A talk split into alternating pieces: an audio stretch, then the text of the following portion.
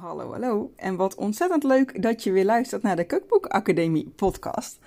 Het is alweer een tijdje geleden. Officieel ben ik ook nooit gestopt. Uh, maar ja, er kwam een emigratie naar Curaçao tussen. En uh, ja, het is een heel slap excuus, maar het, kwam er gewoon, uh, het kwam er gewoon niet van. En ehm, ik heb gewoon een beetje uitstelgedrag ook vertoond. Ook al had ik heel veel plannen om lekker verder te gaan met de Cookbook Academie. Maar het is er um, tot op heden niet van gekomen. De laatste aflevering uh, was alweer van november 2021. Het interview met Masha van Berkel over het zelf uitgeven van haar kookboek. En inmiddels heeft zij gewoon al een tweede kookboek uitgebracht.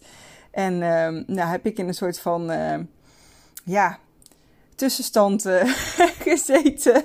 En ook een beetje uitstelgedrag vertoond.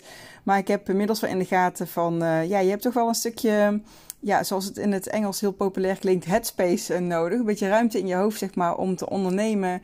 En, en ook om nieuwe kookboeken te schrijven en te publiceren. En daar had ik allemaal plannen voor.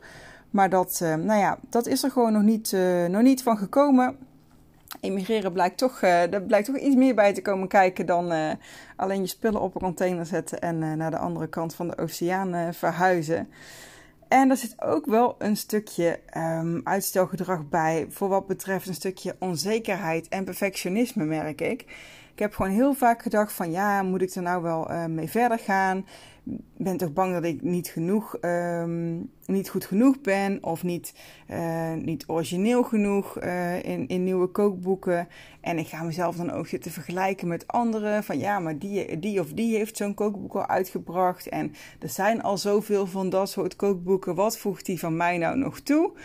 Dus um, ja, een beetje een dubbele reden zeg maar om, uh, om een hele lange break te hebben ingelast. Maar... Uh, ik ben eigenlijk sinds uh, gisteren weer begonnen met, um, ja, met het uh, opnieuw uh, schrijven van een kookboek. Eigenlijk is het niet helemaal opnieuw.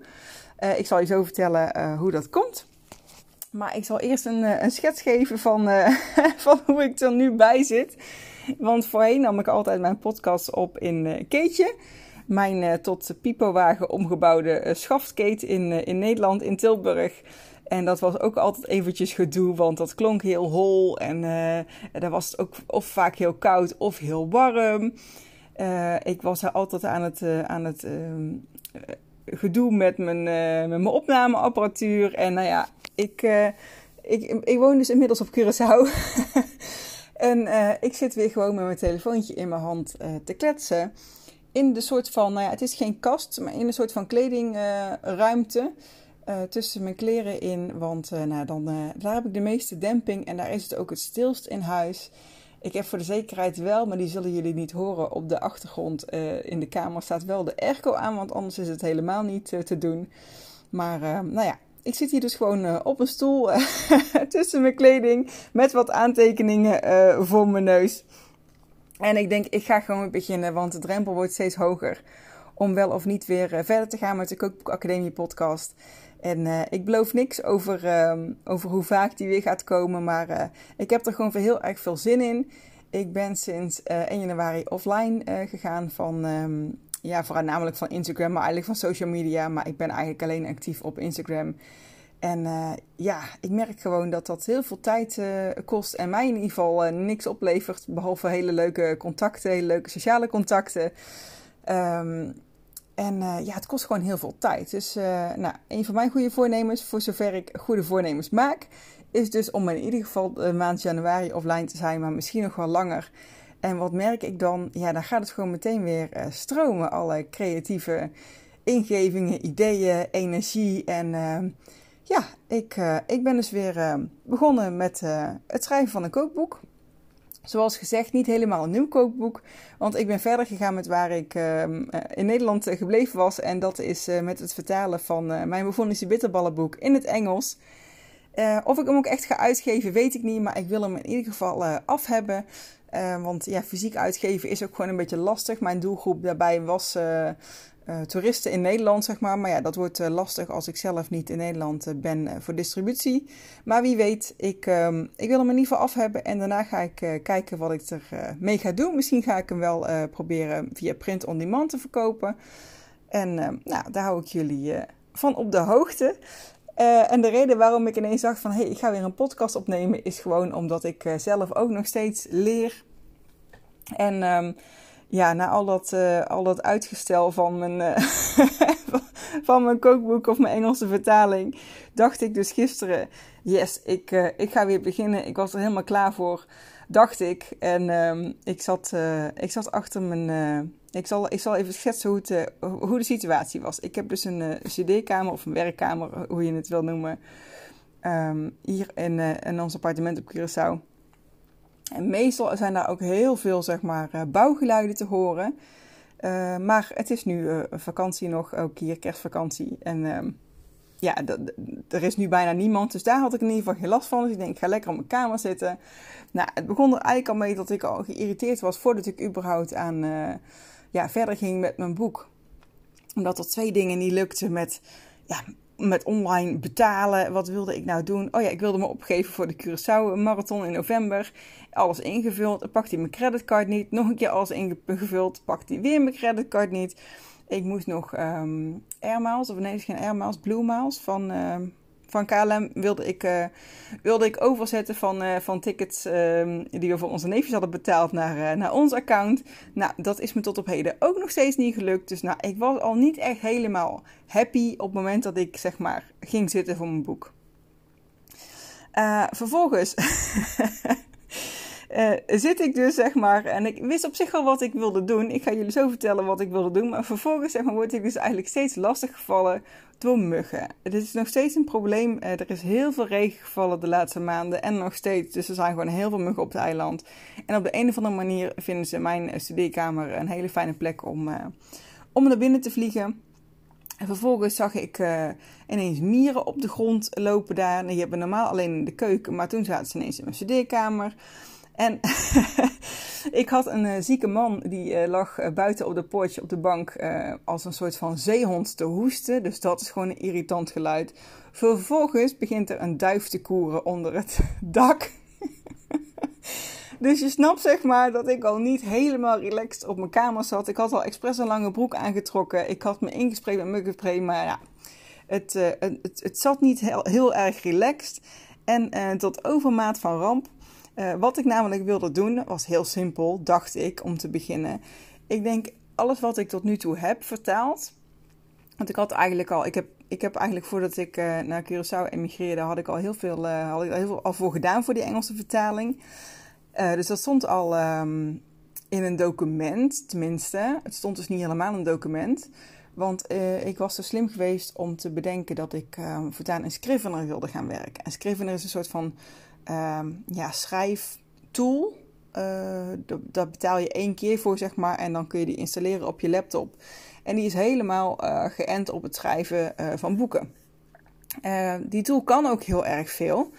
Alleen, je moet dan natuurlijk wel weten hoe je hem moet gebruiken. Dus ik had wel al mijn, ehm, al mijn recepten en al mijn tekst had ik daar al in staan. Ik had al best wel veel. En wat ik zelf heel erg prettig vind om bij het schrijven van een, van een boek, of van een kookboek in mijn geval is om het af en toe gewoon eventjes te printen. Dus dat wat ik heb, fysiek op papier te printen.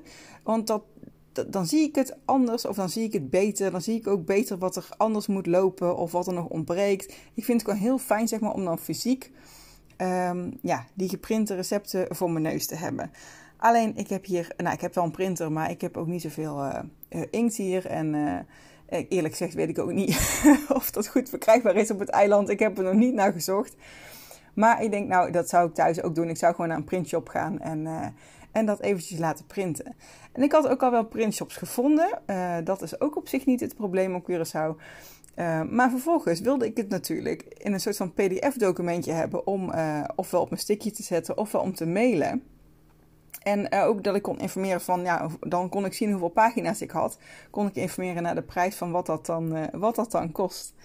En ehm, nou ja, je zou zeggen dat is met één druk op de knop uh, gedaan, maar ja, hij, hij uh, begon steeds niet zeg maar, op een nieuwe pagina. Dus elk recept stond, stond gewoon allemaal onder elkaar, kwam het eruit als ik dat wilde exporteren als één document. En dat, dat leest natuurlijk helemaal niet prettig. Ik wil gewoon dat elk recept op een nieuwe pagina begint, elk hoofdstuk op een nieuwe pagina begint. Nou, ik ben serieus met, alle, met al het gedoe dus om me heen en de muggen en de duif en en ik was al geïrriteerd en een zieke man op de bank. Uh, ik ben daar dus echt een dikke twee tot drie uur mee bezig geweest om uit te vogelen. Welke instellingen het lag, zeg maar, dat ik dat um, ja, fatsoenlijk kon exporteren. En um, ik denk, ik ga dat gewoon eventjes met jullie delen, want het is zoiets simpels.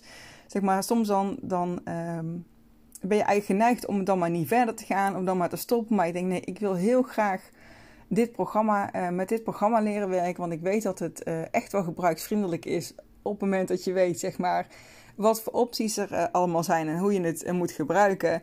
En, um, en ik heb er ook wel weer wat leermomentjes uitgehaald. Overigens ben ik vandaag verder gegaan. Het is me uiteindelijk dus gisteren gelukt. En ik ben vandaag verder gegaan en ik merkte gewoon um, ja, hoeveel zin ik er dan weer in heb en hoeveel, ja, hoeveel motivatie er weer is om dan weer verder te gaan. Dus, dus ik wilde in ieder geval de leermomentjes delen van, van gisteren. En dat is, um, nou ja, zorg voor een rustige ruimte. Zorg voor een plek waar je gewoon uh, rustig kunt zitten. Ik heb het vandaag weer geprobeerd in dezelfde kamer. Dat ging goed, dus er waren sowieso vandaag minder muggen. en anders heb ik besloten, dan, ehm, dan doe ik de deuren dicht en de airco aan. Dat kost, wel, dat kost natuurlijk wel wat energie. Maar um, ja, dat, dat scheelt in ieder geval een hoop irritatie. Uh, ander momentje is natuurlijk dat je niet zomaar met programma's moet gaan werken die je nog niet zo goed kent. Er zit gewoon een best wel uh, flinke leercurve zeg maar, in uh, Scrivener. En je kunt natuurlijk prima gewoon je documentjes uh, of je teksten, je recepten in Word-documenten zetten. Of misschien nog beter in Google Drive. Dat je ze altijd bij de hand hebt, altijd online hebt staan, overal erbij kunt. en um, ja, een ander leermomentje is toch ook wel, na mijn uitstelgedrag van uh, dik een jaar, is dat het gewoon een kwestie is van beginnen. Het is gewoon echt een kwestie van uh, gewoon weer gaan doen. Even door de weerstand heen, even door al die beperkende overtuigingen heen. Van ben ik wel goed genoeg? Uh, zit hier iemand wel op te wachten? Zijn er al niet zoveel boeken? Nou, gaat dat voor het bitterballenboek gaat dat niet op, want daar is er maar eentje van. maar nou, gewoon, gewoon weer beginnen. En um, ja, dat, uh, dat wilde ik eigenlijk eventjes uh, met, uh, met jullie delen vandaag. Dus um, het is ook een mooi begin natuurlijk, mooi begin van het nieuwe jaar. Mooie tijd voor degenen die plannen hebben om te beginnen met een kookboek. Of misschien verder te gaan met, met, ook met hun kookboekplannen waar ze gebleven waren. Van hé, hey, waar, ga ik nou, waar ga ik nou beginnen? Nou, begin gewoon, ga gewoon zitten, ga even door die weerstand heen. Uh, wat ik zelf altijd wel heel prettig vind, is ik um, nu ook, zeg maar, er stond, natuurlijk al, uh, er stond natuurlijk al wat, maar ik ben vandaag weer verder gegaan. En dan merk ik gewoon dat voor mij de inhoudsopgave, zeg maar, wel echt een, um, ja, de basis is als uitgangspunt. Dus ik kijk altijd heel goed naar mijn inhoudsopgave van, hey, zit daar voldoende variatie in? Uh, in mijn geval um, qua vis, vegetarisch, gevogeld vlees. en of daar een goede verdeling in zit. Uh, wat, uh, welke recepten moeten nog aangevuld worden? Welke recepten moeten nog getest worden? Uh, welke recepten moeten nog helemaal nieuw ontwikkeld worden? Welke bitterballen moeten nog opnieuw op de foto? Of welke, welke foto's wil ik anders in mijn Engelse vertaling dan in mijn Nederlandse boek?